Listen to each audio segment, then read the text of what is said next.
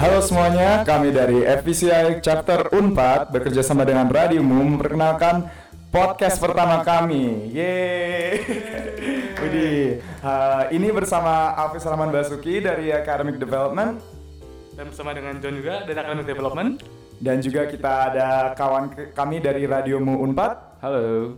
Nah, uh, hari ini kita ada guest star nih, guys. Uh, tentunya kita harus ada narasumber lah. Kita nggak bisa nih sebagai mahasiswa cuman kayak oh udah kita so tahu nih cerita kita perlu bahan dari ahli nih. Silakan perkenalkan diri teh. Oke, halo saya Aliuna. Eh, kebetulan diminta untuk jadi pembicara pada podcast pertama ini ya, FPCI. FPCI. Iya. Eh, saya sekarang mengajar di Prodi Hubungan Internasional Unpad. Eh, salah satu mata kuliah yang saya bantu, saya ampuh, saya diskusi eh, biasa diskusi di kelas yaitu judulnya Hubungan Internasional di di Afrika. Afrika. Ah. Oke. Nah, eh, Bu Ali nih atau kita biasa sih panggilnya Teh Ali ya, karena emang eh, Teh Ali itu salah satu dosen yang paling cool lah istilahnya di HI Unpad. Iya gak? Iya gak? Keren banget cuy. Betul banget. Paling enak Nah, kalau ngajar. Iya, makanya kita juga panggil Teh Ali karena Teh Ali tuh emang udah ahli dan emang udah mengerti gitu. Kondisi-kondisi di Afrika tuh seperti apa? Kayak udah mengkaji ya bu? Eh, dari dulu misalnya di HI Unpad tuh saya sendiri ada matkul eh, kawasan Afrika dengan Teh Ali sendiri. Nah buat kali ini nih pada podcast pertama kali kami mengambil topik East African Community The Rise of Africa? Kira-kira kalian pernah dengar gak itu? Apa? Ah, ini menarik sih ya. Kenapa kemudian eh, kemarin ketika dihubungi dari FPCI yang pertama diangkat tentang Afrika. Iya. Dan eh, balik kalau misalnya ketika saya kuliah zaman dulu kala, konon ya, berabad-abad yang lalu, itu yang namanya kuliah Hai Afrika belum ada. Oh. Jadi memang ini 2010 ke sini. Hmm. Da- dalam artian perkembangan terbaru dan kenapa kita harus kemudian eh, memberikan perhatian lebih ke kawasan Afrika itu memang sebuah hal yang eh, mau nggak mau ya harus kita pelajari juga gitu loh karena perkembangannya yang sangat pesat. Dan eh, mungkin dalam diskusi ini juga nanti kita akan lihat sering kali kita tahu tentang Afrika apa? Konflik. Atau eh, penyakit diseases. Iya. atau hal-hal yang kemudian eh, punya konotasi negatif. Nah, saya senang sekali teman-teman dari FPCI mengangkat tentang Afrika di awal karena kita butuh eh, istilahnya eh, menghilangkan pandangan kita tentang pesimisme Afrika atau yang disebut dengan Afropesimisme.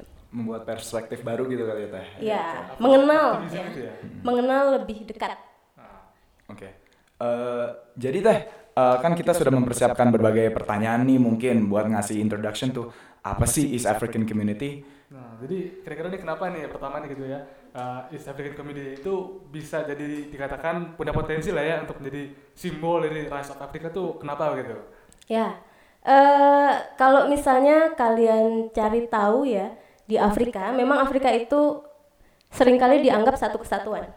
Padahal di dalamnya berbagai Bagai. bahasa, berbagai etnis, ber- bahkan negara, nation betul state sekali. yang kemudian kita tahu juga eh, Afrika terbagi banyak sekali.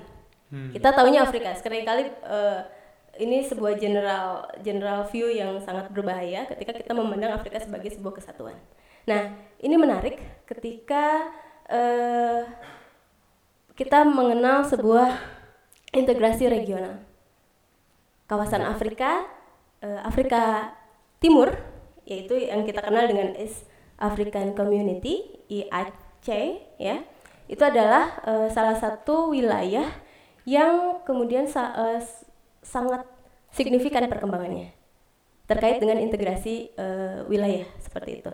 Yang menarik kemudian adalah kalau kita petakan, kalau kalian buka peta Afrika, yang namanya East Afrika atau Afrika Timur itu sebetulnya bukan cuma enam, Oh, tapi ada 10. 10 negara. Ada Ethiopia, ada ada Somalia juga masuk.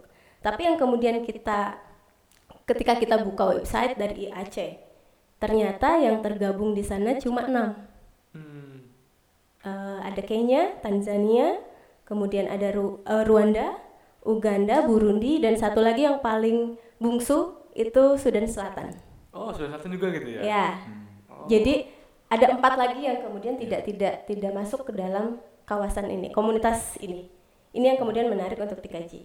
Uh, ketika saya menggali lebih dalam dan berbagai hal menarik bermunculan ketika kalian menggali lebih dalam juga hmm. itu ini yang yang yang sering kali kita temukan adalah keterpukauan. Pertama, satu kata kunci yang kemudian menjadikan uh, karakter khusus dari East African Community ini adalah integritas. Tapi berbeda dengan integritas yang kita sering kali dapatkan di komunitas-komunitas lain yang biasanya sifatnya top down Oh. Misalnya dari elit politik berbicara, ayo kita kumpul bareng-bareng bikin konferensi dan kemudian memunculkan organisasi. Tapi ternyata ketika kita berbicara East African Community, ada sebuah uh, istilahnya apa ya kegiatan masyarakat yang kemudian menjadi atau menjadi uh, trigger awal dari kemunculan komunitas yang besar tadi. Pertama, yaitu uh, kita sebut dengan sistem ekonomi. Hmm. Sistem ekonomi yang diikat oleh satu uh, sebuah landscape geografi yang sangat besar. Danau Victoria. Hmm. Danau Victoria. Ya. Oh, okay. Ternyata Danau Victoria ini kemudian mengikat tiga negara besar di situ. Uganda, Tanzania, dan Kenya. Ketiga oh. negara besar tadi berbagi Danau Victoria tadi. Dan ternyata ketika uh, mereka berinteraksi dengan melakukan sebuah eksplorasi sumber daya di sana, ada sebuah spesifikasi tugas. Ada yang jadi trader, ada yang menjadi penangkap ikan, dan kemudian ada lagi yang menjadi pengemas misalnya seperti itu, pengemas ikan, mhm. pengolah. Nah, kesatuan inilah yang kemudian memunculkan komunitas-komunitas kecil. Komunitas-komunitas kecil tadi bergabung dan kemudian menginisiasi diri, menggabungkan diri, dan kemudian memberikan sebuah uh, kekuatan kepada negara di atasnya untuk pede istilahnya hmm. percaya diri untuk memunculkan sebuah integrasi regional. Hmm. Jadi memang seperti itu. Yang kemudian menarik adalah pertanyaannya pertanyaan selanjutnya misalnya kan tadi tiga negara tuh yeah. ada Kenya, kemudian uh, Tanzania dan Uganda. Ada tiga negara lain. Nah hmm. ini menarik. Yang kemudian mengikat tiga negara lainnya juga begitu uh, istilahnya apa ya ketika saya baca wah keren juga nih Afrika gitu ya ternyata yang namanya networking itu bisa dari konteks nomor dua kalau tadi kan sistem ekonomi yang kedua adalah ethnic connectivity jadi etnik juga gitu ya etnik juga nah ketika Uganda terdiri dari tiga etnis besar ada etnik uh, ini terkenal walaupun konotasinya negatif Hutu dan Tutsi itu juga ada di hmm. uh, di Uganda dan kemudian uh, satu lagi uh, etnik tua TWA tua. tua. Ya. Ini juga ada di dua negara yang ada di selatannya yaitu Uganda eh, maaf Rwanda dan Burundi. Itulah kenapa kemudian karena uh, ada et, ada konektivitas etnis ini uh, kedekatan mereka ke Uganda kemudian merangkul ya. Mm -hmm. Merangkul mereka ikut ke dalam komunitas ini. Hmm. Nah, yang menarik satu lagi, Sudan Selatan. Ini dia tidak langsung berhubungan dengan uh, Victorian Lake atau sistem ekonomi Victorian Lake yang tadi saya sebutkan, juga tidak tidak terkait dengan etnik. Tapi kenapa kok dia dirangkul juga? juga? Ah. Nah, yang kemudian saya uh, cari tahu adalah kita tahu bahwa sumber salah satu sumber untuk uh, air ya debit air yang masuk ke Victorian Lake itu dari White Nile, hmm. Nile putih. Oh, oke. Okay. Jadi ini dari Danau Victoria tadi ke Nile putih ini gitu. No, no. Uh, ke kebalikannya. Oh, kebalikannya. Jadi putih Nile ke... putih itu masuk ke Victoria. Oh, oke, okay, okay. Dan ternyata Nile putih itu yang ujungnya ada di uh, Nile biru yang ada di Ethiopia itu masuk ke Sudan Selatan. Hmm, dan ya. bagaimanapun ya untuk membuat sebuah manajemen perairan yang cukup baik maka negara yang dilewatinya tadi juga harus dirangkul. Hmm, betul Itu hal yang menarik untuk dikaji. Oke. Okay. Jadi, Jadi ada, memang ada suatu bentuk eksklusivitas atau emang ada tujuan dari semua negara yang dirangkul untuk bagian ke ES, uh, eh, EAC ini. Nah, kan kita udah mengenal tuh mengenal uh, dari awal tuh kayak pembentukan EAC sebenarnya kayak gimana ya dan negara-negara apa yang meliputinya. Kira-kira katanya kan kita sering baca di internet orang uh, para pengkaji itu mengatakan EAC sebagai wah ini tuh yang kita tadi bilang potensi the rise of Africa nih teh. Uh, tapi kira-kira bagaimana ya East African Community ini dapat berkembang dan bersaing di dunia internasional dan kira-kira tantangannya apa aja teh? Hmm, Oke, okay. uh, kalau kita berbicara tentang uh, development ya, hmm. Uh, hmm. yang tetap kalau kita berbicara tentang uh, komunitas komunitas regional satu kata yang digarisbawahi adalah integritas. Hmm. Integritas tentu bukan hanya tadi untuk uh, menyatukan berbagai macam uh, negara, tapi juga integritas dalam membuat program-program. Yang pertama tentu kita bisa berbicara tentang uh, pembuatan sebuah manajemen yang lebih baik contoh yang paling yang paling uh, bisa kelihatan aja kalau kalian lagi-lagi saya sarankan sambil iseng ya buka peta Afrika. Afrika kan wilayah yang sangat luas. Sayangnya dia punya kelemahan. Ada beberapa negara yang landlocked. Oke. Okay. Tidak punya laut. Tidak punya laut. Nah, di sini kita bisa melihat ada beberapa yaitu misalnya uh, Rwanda dan Burundi yang dia tidak punya akses ke pelabuhan seperti itu. Nah, dengan adanya IAC ini, negara-negara yang ada di pesisir seperti Kenya dan Tanzania bisa membuat sebuah program, program yang berkesinambungan dengan kebutuhan dua negara lain tadi. Oh iya benar. Itu salah satu hal yang kemudian bisa bisa di uh, istilahnya bisa difasilitasi oleh komunitas ini. Hmm. Jadi yang pertama adalah bahwa pertumbuhan yang muncul di Afrika Timur itu bukan tidak parsial sifatnya, tapi menyeluruh. Dan dengan ada komunitas ini memungkinkan sebuah manajemen yang yang tadi yang yang juga uh, istilahnya mutual. Tentu juga Burundi Burundi punya punya uh, reputasi menarik di Afrika. Dia disebut dengan the heart of Africa. Oh, Oke. Okay. Karena salah satu wilayah yang paling subur hmm. di Afrika. Dan tentu ini kontribusi turis Buat, iya. ya untuk turis juga sangat sangat sangat besar untuk Burundi ini. Hmm. Dan ini juga memberikan pada akhirnya memberikan uh, istilahnya keuntungan juga untuk negara-negara sekitarnya. Tuh. Uh, Oke, okay. kita kan sudah tahu tuh mereka apa EAC itu sendiri uh, sangat menjunjung tinggi konektivitas dan mungkin strategi strategi-strategi dalam mempertingkatkan ekonomi per negaranya ya teh dan emang kooperasi antara negara-negara yang di EAC itu sendiri uh, dan seandainya ingin bersaing uh, di dunia internasional, mereka bisa memanfaatkan dari fasilitas-fasilitas yang disiapkan oleh IAC ini sendiri. Tapi tentunya ada tantangan lah teh, misalnya mereka kan datang dari benua Berbagai Afrika etnis, dan permasalahan etnik juga bisa. Dan kita tahu benua Afrika itu sangat besar dan uh, mungkin stigma mempunyai stigma jelek ya teh, underdeveloped atau dan konflik-konflik lainnya istilahnya. Dan kira-kira seandainya ingin menjadi potensi Rise of Africa tentunya pasti banyak tantangannya teh. Kira-kira tantangan buat IAC itu apa aja teh? Ya, uh, ada satu hal yang yang yang kemudian uh, menjadi perhatian bersama. Bukan cuma sebetulnya bukan cuma di Afri, bukan cuma negara-negara di Afrika Timur, tapi juga seharusnya negara di seluruh dunia. Hmm. Ini yang menjadi tantangan uh, dan kemudian kali, kalau kalian buka permasalahan utama ada sebuah terminologi baru. Terminologi baru. Oh, terminologi apa itu? Yaitu konflik karena iklim. Oh, hmm. climate change Jadi yang kemudian karena, memunculkan konflik.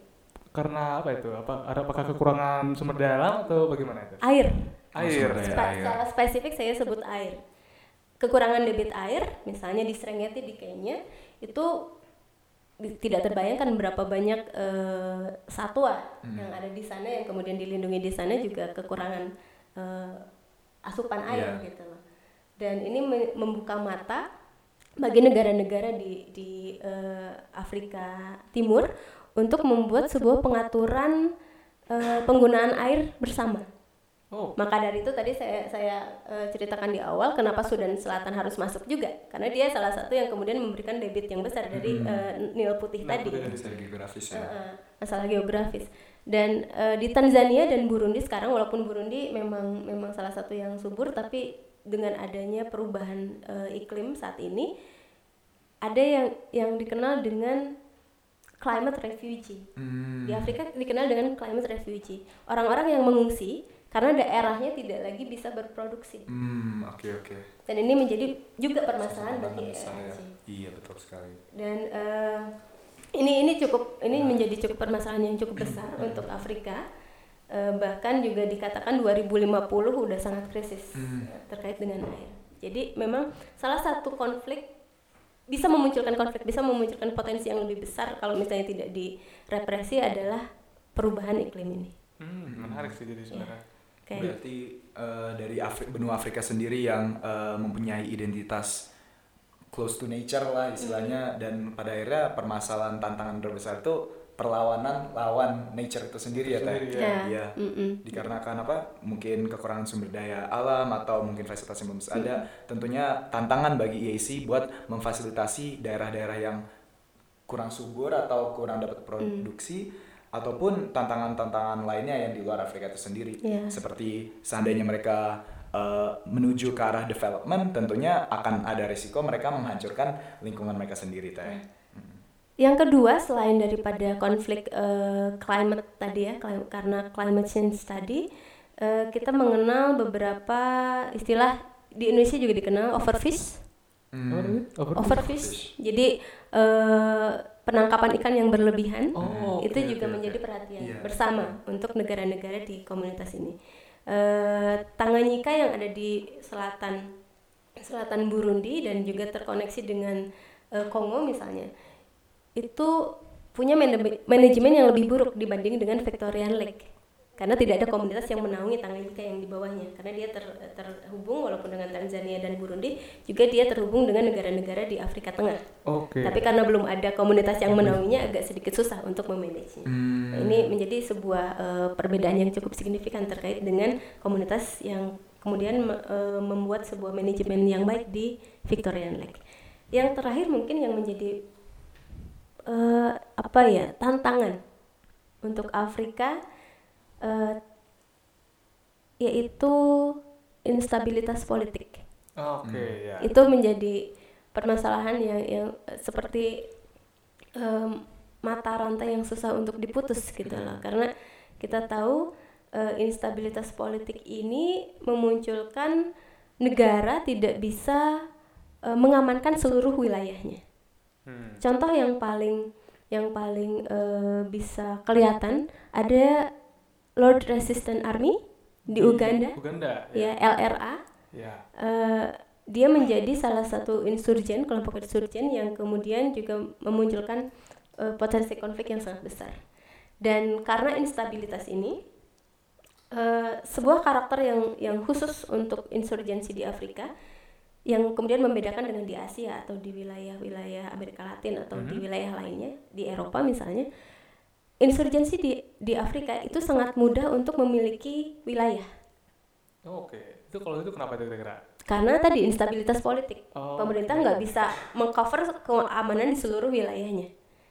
Karena kekurangan sumber daya dalam konteks eh, military power atau misalnya tadi keamanan nasionalnya maka insurgensi dengan mudahnya mengkooptasi sebuah wilayah. Dan ketika sebuah i- sebuah kelompok insurgen tadi sudah bisa menguasai sebuah wilayah itu akan lebih sulit untuk di istilahnya di, di gitu ya? iya direpresi atau di, Oh. di dicegah si si bentuk eh, pemberontakannya dan ini yang menjadi karakter khusus buat insurgensi insurgensi di Afrika Hmm. gitu. Nah, mungkin biar para pendengar kita bisa lebih relate nih ke eh, ke East African Community, kira-kira ini pertanyaan dari saya sih teh, eh, apakah kita bisa menyambungkan misalnya kayak pembentukan East African Community serupa dengan ASEAN misalnya bagi Indonesia, atau justru misalnya lebih mengarah ke Uni Eropa teh? Misalnya apakah ini suatu komunitas asosiasi eh, yang emang dibentuk buat meningkatkan kerjasama antar negara atau memudahkan eh, integritas atau emang tujuan utamanya mungkin buat menuju pembentukan organisasi internasional bahkan teh Supranasional gitu ya? supranasional bahkan kira-kira gimana teh? Ketika kita bandingkan karakternya ya ini sebuah pertanyaan yang menarik karena eh, kita bisa membayangkan eh, sebetulnya apa sih IAC ini gitu. Eh, kalau ditanya tadi perbandingan dua dua organisasi internasional saya harus katakan dia sifatnya lebih dekat ke Uni Eropa. Uni Eropa. Hmm, jadi Ke Uni Eropa. Pendekatannya seperti itu. Kalau misalnya kita bandingkan eh, dengan ASEAN, ASEAN itu kan sebetulnya sebuah organisasi yang dimunculkan atas dasar intensi politik, political will gitu lah. tentu itu bukan ya kalau Top tuh down, ta- top down tadi. iya dari atas ke bawah tadi kan Mm-mm. Dari elit politik eh, beberapa negara di Asia Tenggara yang kemudian membuat sebuah inisiatif membentuk sebuah komunitas bersama di di ASEAN. Nah, berbeda dengan eh, Uni Eropa atau yang kita kenal dengan eh, atau kita bandingkan dengan ini ya komunitas di eh, Afrika Timur ini, dia hadir dari masyarakat, komunitas masyarakat yang sudah punya eh, interaksi ekonomi, kemudian mereka berjejaring dengan sendirinya dan jejaring ini pada satu titik kemudian menginspirasi pemerintah untuk membuat sebuah skop atau lingkup yang lebih besar. Hmm, jadi bottom up ya. Ya, gitu. Jadi kalau kita bandingkan Uni Eropa juga awalnya kan masyarakat ekonomi Eropa, MEE gitu. Ya, gitu. Dan kemudian dia memperluas eh, lingkupnya dan kita juga eh, tahu bahwa ada tujuan ini, ada visi ini di, di, eh, Afrika Timur, di komunitas Afrika Timur. Ada visi 2017 dia bilang eh, mungkin 2001 eh maaf 2021 kita sudah bisa bikin eh, currency block.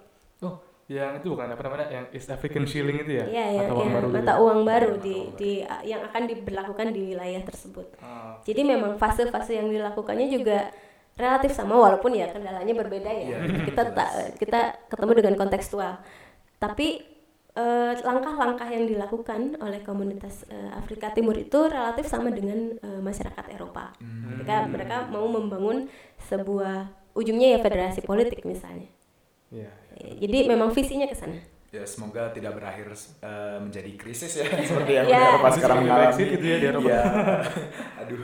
Eh, nah mungkin tadi kalau kita bisa coba menyambungkan eh, East African Community dengan Indonesia itu sendiri eh, melihat bahwa emang ada berbagai prospek lah istilahnya yang negara kita ingin mencapai dan eh, dari nama kita sendiri kan Foreign Policy Indonesia Community ingin membahas nih mengkaji mengenai kebijakan-kebijakan kira-kira Indonesia nih mengarah ke mana. nah iya jadi kan kalau kemarin tuh kita di Indonesia sempat ada itu ya apa yang Indonesian African Forum Hmm. yang Development Forum itu ya ya ADF itu nah kira-kira eh, prospek Indonesia di Afrika ini nanti baga- bagaimana nih kita kira-kira ketika dengan adanya East African Community ini apakah kita akan kerjasama yang lebih dalam gitu atau bagaimana kira-kira ada sebuah eh, istilahnya apa ya?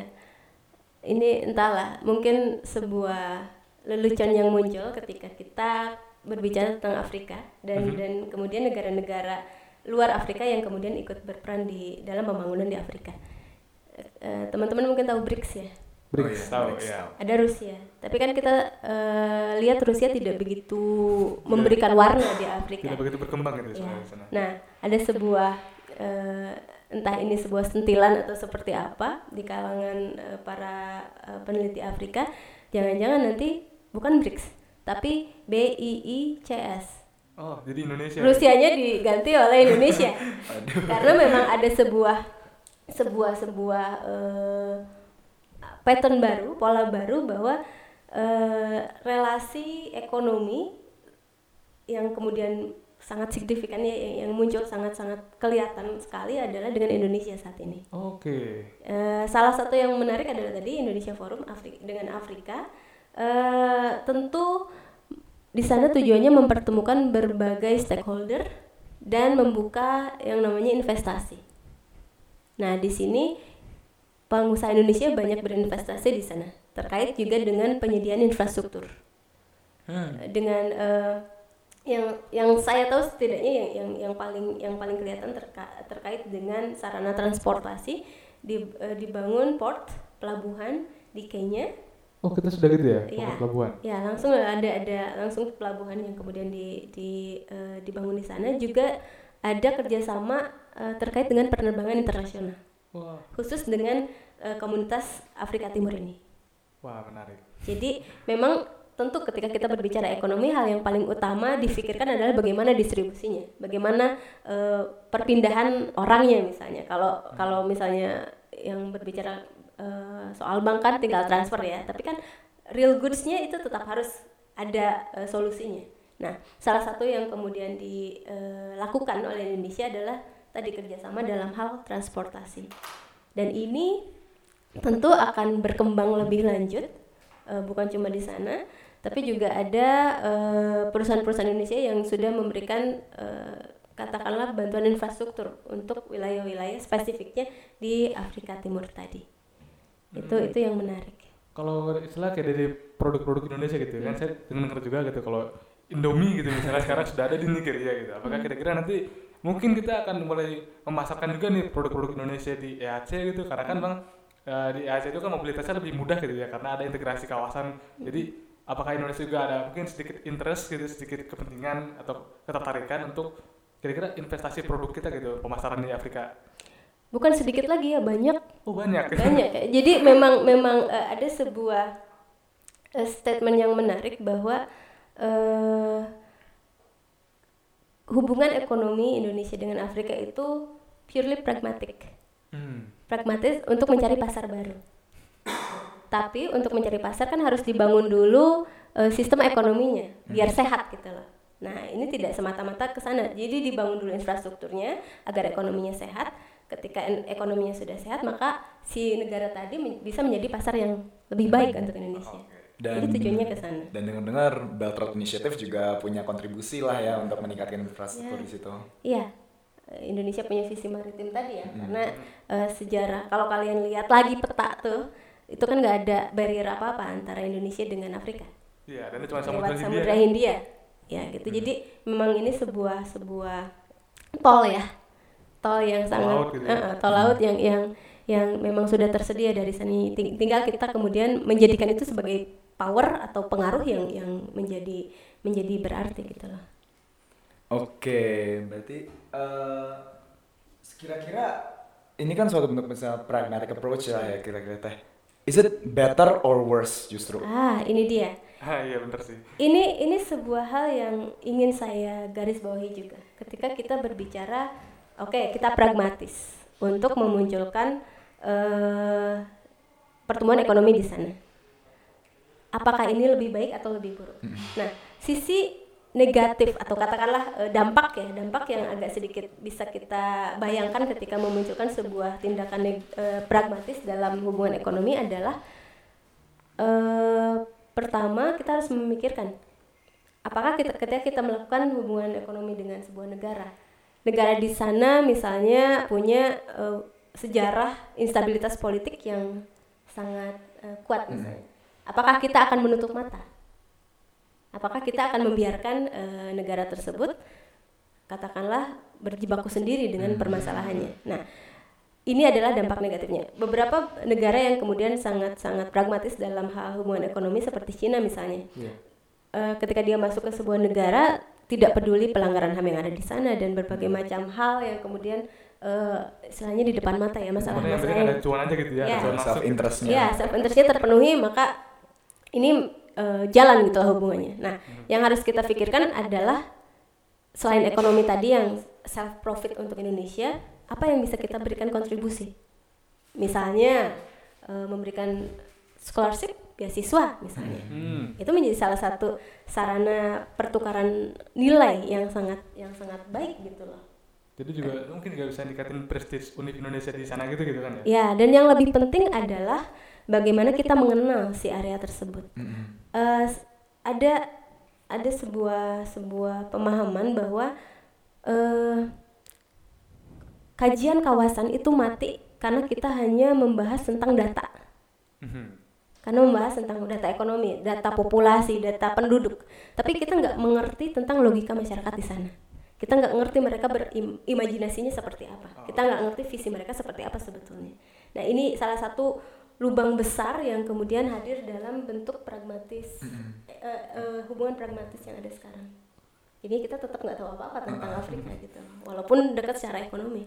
Jadi kita cuma angka-angka aja gitu kan. Kita tidak melihat masyarakat itu sebagai masyarakat atau sebagai manusia gitu kan. Yes, yes, cuma kita lihat angka-angka nih potensinya segini kita melihat posisi segini gitu kan kita ya semoga yang apa yang diinginkan oleh atau yang diharapkan dari konferensi Asia Afrika juga bisa hadir ya dalam hubungan Indonesia dengan terutama East African Community ini baik itu secara ekonomi baik itu secara angka tapi yang non angka juga teh misalnya seperti hubungan antara uh, mutual apa mutual understandingnya antara para uh, para masyarakat dari Indonesia ke Afrika atau mungkin agar stigma buruk tentang Afrika juga bisa berubah gitu. Ya, Setidaknya itu kalau juga. nggak di kalangan dunia, setidaknya dengan orang-orang Indonesia misalnya. Ya, betul. Pak mungkin para diplomat kita juga istilahnya bisa lebih aktif ke negara-negara sana dan hubungan Indonesia dan Afrika juga bisa lebih baik. Oke. Eh, terima kasih banyak Teh Ali eh, telah mengisi sebagai narasumber atau special guest kita pada podcast pertama eh, FPCI Unpad. Tepuk tangan semuanya ya. Ya, thank you. Lucu banget. Oke, jadi oke uh, everyone, ini masih podcast pertama kita. Uh, so bear with us kalau emang ada kekurangan atau kesalahan, uh, mohon dimaafkan, mohon dimaklumkan. Ya. Dan uh, se- seandainya kalian uh, interested pada topik ini atau ingin nanya pertanyaan, kalian bisa langsung hubungi kita di uh, Instagram at FPCI Unpad atau mungkin tanya-tanya kita via OA line nanti akan kita jawab. Uh, dan kita ingin nanya ke kalian misalnya, apakah kalian punya topik lain yang kalian uh, penasaran atau interested da- dalam bidang uh, foreign policy community Indonesia atau dalam bidang interna- international relations ataupun uh, foreign policy lain-lainnya atau mungkin pertanyaan kecil tentang kita mungkin ya. Oke, you can tag me ya. at my Instagram ya, gaya banget. Pokoknya hubungin aja FPCI Unpad at Instagram kita akan hubungin kalian. Jadi terima kasih banyak Teh Ali, terima kasih sama-sama. banyak uh, radiomu atas kerjasamanya pada podcast pertama kali kita. Jadi uh, thank you everyone and see you soon. Signing off.